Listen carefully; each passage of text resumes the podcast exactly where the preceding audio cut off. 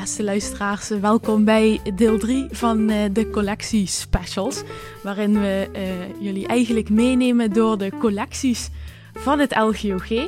Uh, mijn naam is Justine Kams en ik ben erfgoedconsulent. En vandaag ga ik jullie meenemen door de collectie die opgeslagen ligt bij het Limburgs Museum in Venlo. Um, en daar ben ik ook vandaag op locatie. En ik ga uh, met Pepijn Rezer in gesprek. Zou je jezelf eerst kort willen voorstellen? Ja, ik ben bij het Limburgs Museum conservator cultuurgeschiedenis. We hebben een aantal deelterreinen. Nou, dit is een grote, grote verzameling. Eigenlijk al het erfgoed nou, dat, dat te maken heeft met de Limburgse cultuur, de Limburgse identiteit, maar heel erg vanuit een historisch perspectief. We zijn een cultuurhistorisch museum en dat is dus een super brede, brede collectie. en ja, dat zien we ook wel een beetje terug. wat wij hier van het LGOG in Bruikleen hebben, loopt enorm uiteen. Het zijn ongeveer 1800 objecten, maar van tegeltjes tot gebruiksvoorwerpen, tot siervoorwerpen en, en alles ertussenin. Oké, ja, we staan hier uh, voor het eerste uh, collectiestuk dat we eigenlijk vandaag samen gaan bespreken. We gaan eigenlijk door de zalen lopen en we gaan ook het depot in. En dan gaan we samen een aantal bijzondere stukken bekijken. Um, ja, we staan hier voor een, een kamerscherm in de opstelling Kastelen. Heb ik dat goed? Ja, het gaat hier. eigenlijk het achterliggende idee is dat Limburg natuurlijk echt een grensgebied is geweest, eeuwenlang. Uh, de stadkundige lappendeken en ja. er is hier heel veel gevochten. Ik denk dat dat ook echt well, Limburg heeft gevormd, dat wat het is. En maar wat zien we daar nou eigenlijk van? En, en, waar komt het dan terug? En een van die mannen die, die meevocht in de 17e eeuw in het leger van Willem III, het strijd om Maastricht, was Jozua de Graven. Nou, een bekende naam voor mensen die een beetje in het erfgoed van Limburg hebben verdiept. Mhm. Hij heeft veel tekeningen gemaakt. Ja, en die tekeningen zijn volgens mij ook in de collectie van het LGOG. Die tekeningen die lijken eigenlijk als twee druppels water op de voorstellingen die je op dit kamerscherm ziet. En dat is heel interessant. En dat betekent eigenlijk ook, of dat, is de reden dat er heel lang gedacht is dat Jozef de Graven ook de schilderingen heeft gemaakt. Mhm. Uh, het kamerscherm is niet heel lang geleden uh, gerestaureerd. Uh, het is nu ook weer in een hele goede staat. Maar toen is eigenlijk gebleken dat het materiaal jonger is, dat het ongeveer rond 1800 gemaakt is. Um, maar dus het vermoeden is nu dat ze toen uh, die tekeningen van Jozef de Graven toch wel zo tot de verbeelding spraken of zo bekend waren, dat die mhm. eigenlijk als voorbeeld zijn gebruikt. Eh, want ze, ze zijn er echt duidelijk, deze schilderingen zijn duidelijk op geïnspireerd, ja. om rond 1800 dit, um, dit mooie tafereel uh, te maken met het kamerscherm. het is heel groot, het is echt iets van 5, 6 meter breed als je hem uitklapt. Echt imposant ook. En de voorstellingen die je erop ziet zijn allemaal uh, kastelen, Limburgse kastelen. Maar het mhm. is tegelijkertijd natuurlijk ook een beetje, hè, bijvoorbeeld het kasteel Valkenburg, wat we hier als eerste zien, dat is hier nog helemaal intact. Uh, de prent die ervan gemaakt is, is ook volgens mij 1669, 1670, uh, rond die tijd. Uh, dus eigenlijk heel kort voordat het, nou, het kasteel gesloopt is door de mhm. troepen van Willem om die Franse opmars aan Maastricht tegen te gaan.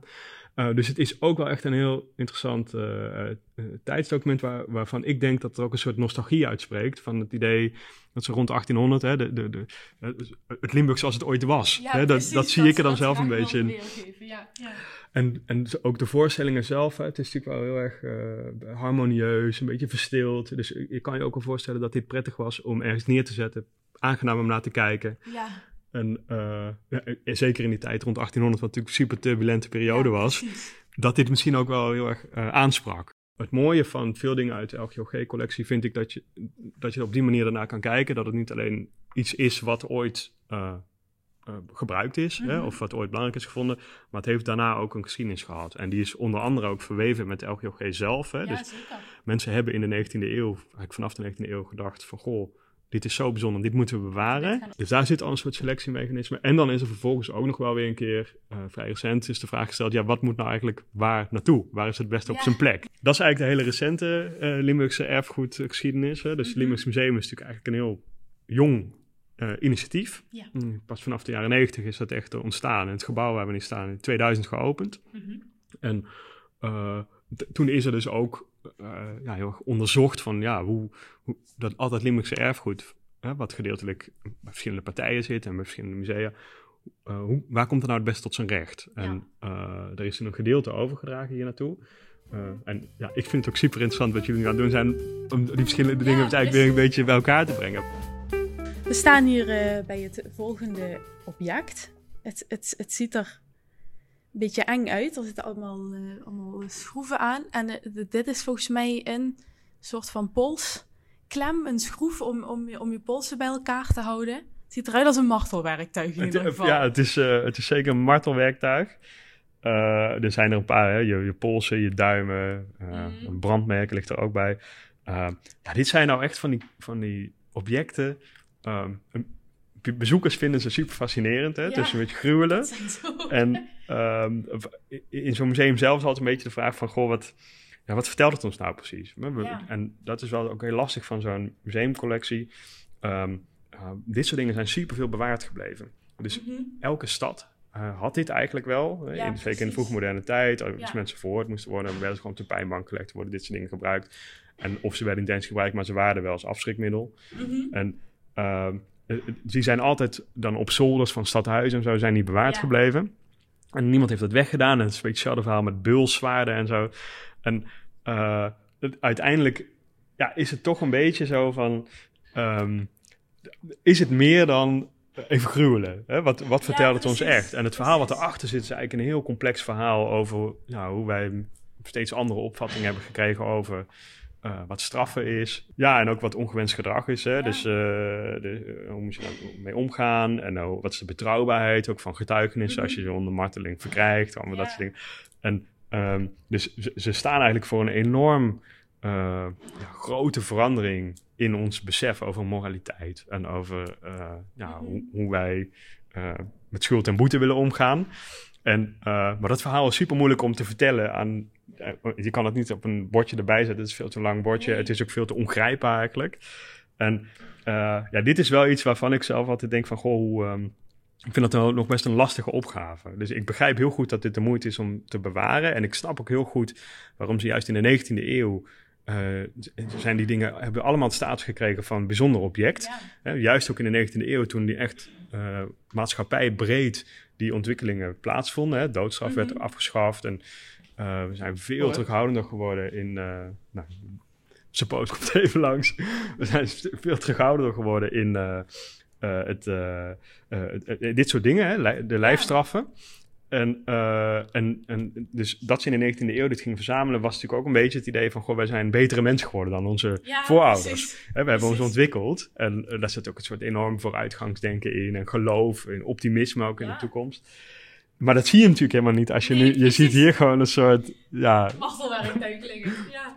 Precies, en dit vind ik wel... De, de, de, wat de LGOG-collectie... Het zegt heel veel over natuurlijk de mensen achter het LGOG... dat ze dit soort dingen ja. juist verzameld hebben. Hè? Dat is ook over hun wereldbeeld. En het stelt ons vandaag de dag wel een beetje voor de vraag van... Goh, hoe, um, ja, hoe geven we dit nou een goede plek? Ja. ik vind het best een, uh, een opgave. Ja, we staan hier dus voor een, een kistje met kleine gewichtjes uh, erin. Waar, waar, werd dit voor gebruikt? Nou, er hangt een, uh, uh, een weegschaaltje bij. Ja. En, en die, die, past ook precies in het doosje. Dus het is vooral ook een heel, ah, mooi, ja, het, heel ja. mooi doosje wat je mee kon nemen. Een soort van opvouwen, zeg maar. Precies, dus het is, eigenlijk is het echt handzaam. En mm -hmm. nou, mhm. dan denk je al snel aan een soort reizende handelaren of soort markten. Of dus mobiliteit belangrijk. en um, ik vermoed dat dit gewoon een om betalingen eerlijk uh, te doen. Hè? Dus als je een contragewicht hebt, dat je kan kijken dat je, uh, of je waar voor je geld krijgt. Um, het, wat ik er zelf wel interessant aan vind, is dat het ding uh, gemaakt is in Mechelen. Mm -hmm. um, en, maar we weten ook wel dat het ja, toch in het Maastal echt gebruikt is. Dus je, je ziet er ook wel veel van die objecten. Dat is altijd een beetje het verhaal van Limburg. Van, ze, ze, zijn niet super plaatsgebonden. Er is heel veel uitwisseling geweest tussen verschillende regio's, ja. verschillende centra. Ja. En dat ging op, ook met jaarmarkten bijvoorbeeld en zo. En, mm -hmm. en heel veel uh, objecten vertellen dat verhaal ook een beetje.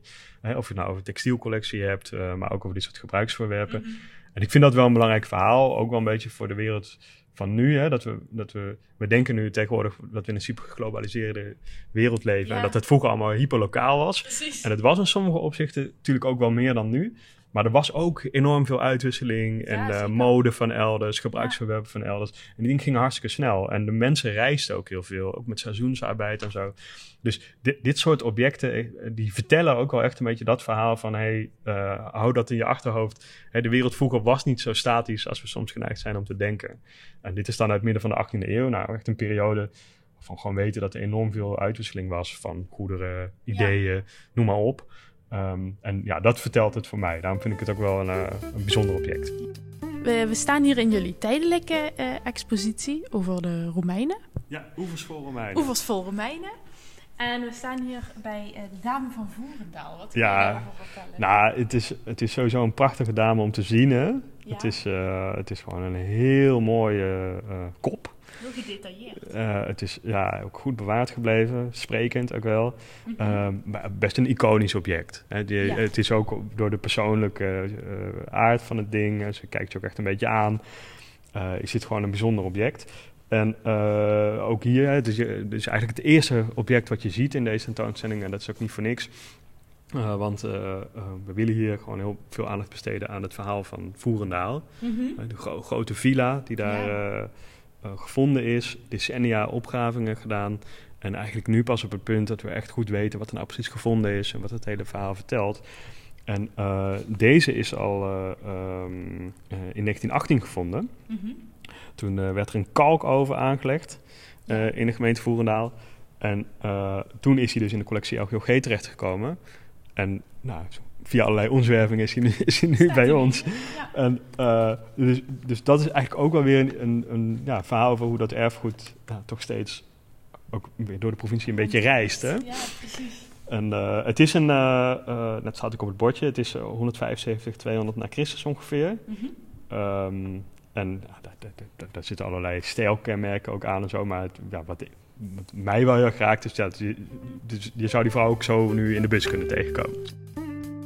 Nou, we staan hier eh, nu eigenlijk achter de schermen, want we zijn in het depot. En jullie hebben hier een aantal eh, interessante ja, spullen klaargelegd, waar we nu even naar gaan kijken. En je zei al dat, eh, ja, dat jullie eigenlijk ook een beetje op zoek zijn. Dat jullie wel een verhaal kennen, maar dat jullie ook een beetje op zoek zijn naar wat het verhaal nu precies is. Ja, heel veel van die eh, LGOG-objecten eh, die zijn al best wel lang geleden verzameld. En eh, dat heeft best wat consequenties. Ze, ze- Ja. ze stelden toen misschien andere vragen. Hè? Dus we weten vaak bij gebruiksverwerpen wel wie ze gemaakt heeft. Dat, dat is dan vaak nog wel gedocumenteerd, maar niet wie ze gebruikt heeft. Mhm. Nou, dat zouden we tegenwoordig, willen we dat heel graag weten. Ja. Omdat het dan veel meer makkelijker is om bijvoorbeeld nou, iets te vertellen over de betekenis die het voor mensen had. Of, Mhm. of dat soort dingen. Eh, dus dus, dus ja, dus het is wel echt een andere tijd waarin die objecten verzameld zijn. Ja. En eh, ze zijn ook vaak eh, heel erg als archetype verzameld of als curiosa. En ik heb een aantal dingen hier even verzameld die, Mhm. ja, die eigenlijk vooral ook even vragen oproepen. Ja. Van goh, wat, waar- waarom, hoe is dit ooit in de collectie terechtgekomen? Ja. Waar staat het dan voor? Wat is het verhaal daarachter? En één ding wat ik wel leuk vind om je even te laten zien, hè, waar, waar we zelf ook gewoon heel erg nieuwsgierig naar zijn en waar ik ook zeker nog verder in ga duiken, is deze brieftas. Dus dit is een, Mhm. eh, een 18e eeuws eh, brieftasje. Ja.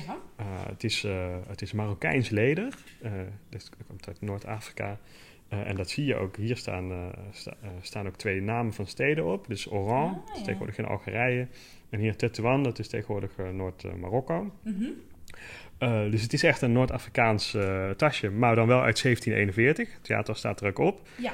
Nou, de, hè, zover gaan de contacten Ja, dus al terug. Hè, dat is uh, dat, nou, interessant.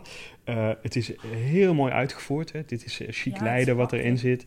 En um, dus ik snap wel dat het gewoon visueel is het heel erg aansprekend ook. Mhm. Maar, maar wat is het? Hè? Hoe komen we eraan? Ja, dat is de vraag die je dan meteen hebt bij zoiets. En ehm, daar weten we een beetje iets van, omdat er dus ook een kaartje in bleek te zitten Mhm. ehm, van Jos Habets, een van de oprichters van het LGOG. Eh, die, dit, eh, die er persoonlijk voor gezorgd heeft dat dit in de collectie van het LGOG terecht is gekomen. Ja. En eh, hij heeft het weer gekregen van een pater Beerboom, Mhm. een Franciscaan, aan het einde van de 19e eeuw, 1883. En ehm, eh, die heeft hem dan weer verteld, hè, zo gaat het dus, dus erg van horen zeggen, Ja. eh, dat dit eh, uit de nalatenschap komt, of familiebezit is geweest van generaal de la Morichère.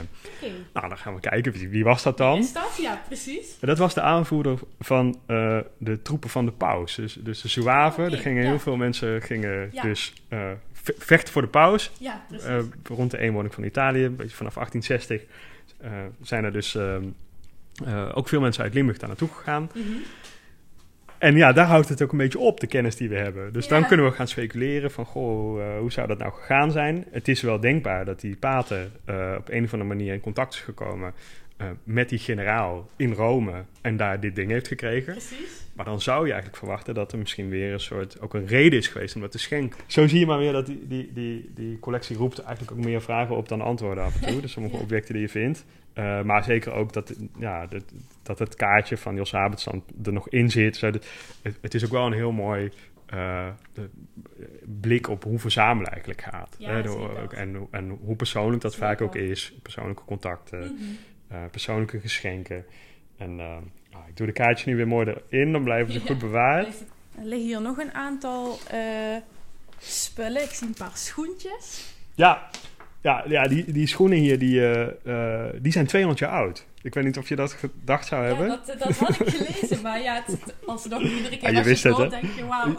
Je zou ze zo op de markt kunnen brengen, denk Ja, ik. ook nog ze zijn echt eh, schitterend. Ja, En eh, ja, dit zijn ook van die objecten die we het liefst zouden natuurlijk, natuurlijk willen weten. Ja, wie heeft ze dan aangehad? ze gedragen, ja. En nog liever, wat voor, eh, wat voor momenten? En wat, Wat voor gevoel had je daarbij? bij, ja, precies, welke muziek hoorde je? Of eh, waar liep je dan rond?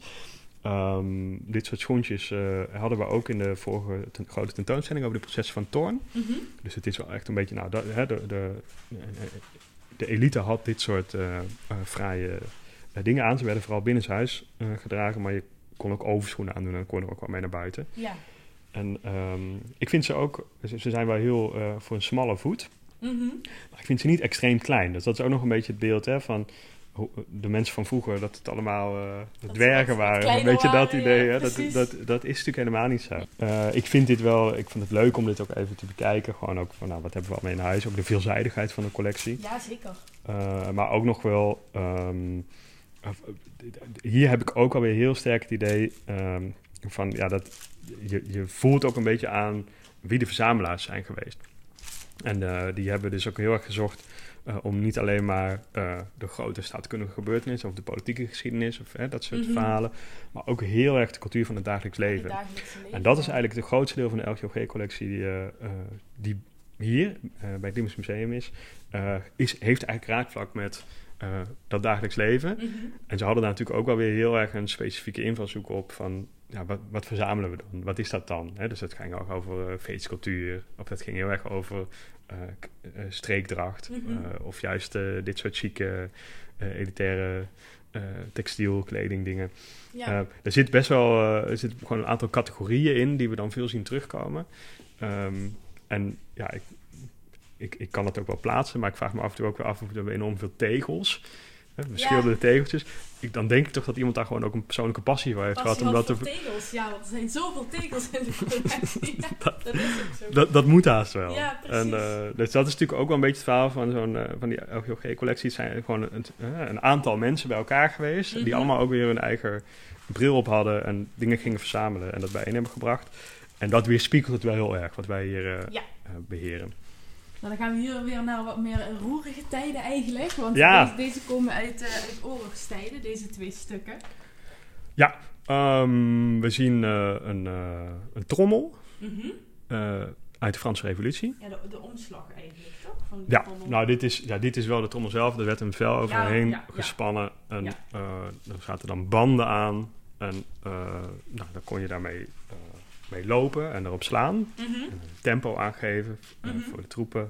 Opzwepen, je harder slaan. Eh, en eh, het is natuurlijk ook...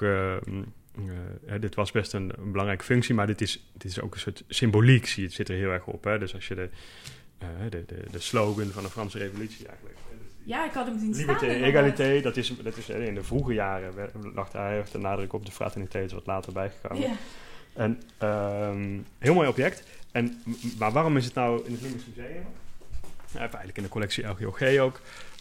dit is natuurlijk wel echt het verhaal van Limburg. Hè? Dus de, de, wat hier gebeurd is, is, is een ander verhaal dan wat er in Holland gebeurd is. Hè? Dus dit is gewoon Zuid-Limburg, maar ook Noord-Limburg. Het is eigenlijk gewoon al 1794 bij Frankrijk gekomen. Ja. En enorme ontwikkelingen doorgemaakt ook in die periode. Precies.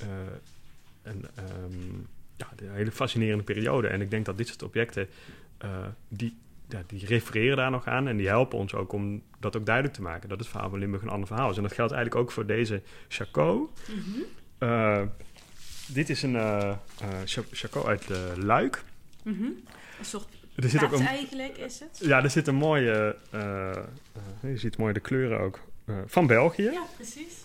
En dat is natuurlijk eigenlijk wel het verhaal van Limburg, als we heel eerlijk zijn, uh, dat, het, dat toen de affiniteit met België veel groter was ja, dan met Holland. En um, um, deze zou zomaar eens bijvoorbeeld hier in Venlo gedragen kunnen zijn. Want we weten dat dus militaire uh, generaal uit Luik helemaal hier naartoe is getrokken. En mm -hmm. het, Venlo was een garnizoenstad, heeft zich gewoon overgegeven. En uh, die waren gewoon op de hand van België. Hè? Dus ja. eigenlijk de enige uitzondering was Maastricht. Maar het verhaal van Limburg in die periode, 1830, 1839, is toch eigenlijk gewoon veel meer dat het gewoon hè, ook de wens van de bevolking was om aansluiting bij die nieuwe Belgische staat te hebben. Ja. Dat daar veel meer de affiniteit mee was uh, vanuit het katholicisme. En uh, ja, dat is wel een verhaal waarvan ik denk dat het echt een, een Limburgs verhaal is. Dat het echt ook een mhm. belangrijk verhaal is. Dat we dat ook, dat daar veel aandacht aan moeten besteden. Uh, en dat kunnen we alleen maar doen als we bepaalde objecten hebben. En dit is bijna allemaal LGOG-collectie. Dus dat is wel ook... Je, ik, je, ziet gewoon aan die objecten die wij hebben... dat, dat die mensen van het LGOG die dit verzameld hebben... dat die dit ook een belangrijk onderwerp vonden. Dat die daar ook mee bezig waren. Misschien hadden ze daar ook nog wel een bepaalde affiniteit mee zelf. Hè. Was voor hun natuurlijk zeker in de, de 19e eeuwse verzamelaars, ja, die, was dat echt nog een beetje levend verleden misschien wel. Ja, hè? vers in het geheugen. Wel, Zullen misschien ook mensen bij zijn geweest die, uh, dit, dit nog gewoon hebben meegemaakt. Of, of, echt herinneringen aan hadden of zo. En uh, ja, dat, dat zie, zie, je natuurlijk niet aan die voorwerpen, maar dat vertelt het, de collectie wel een beetje. Nou, wij gaan zo meteen uh, nog even rondlopen in het museum en de rest van de stukken bekijken. Mag ik jou heel hartelijk uh, bedanken. Nou, graag gedaan. Uh, nou, ik vind het superleuk om, uh, om zo verschillende kanten van die, van die eigen collectie toch een beetje te kunnen uitlichten. En ja, van harte welkom iedereen natuurlijk om zelf even te komen kijken. We hebben ja, veel mooie precies. dingen in huis. Daar gaan we voor.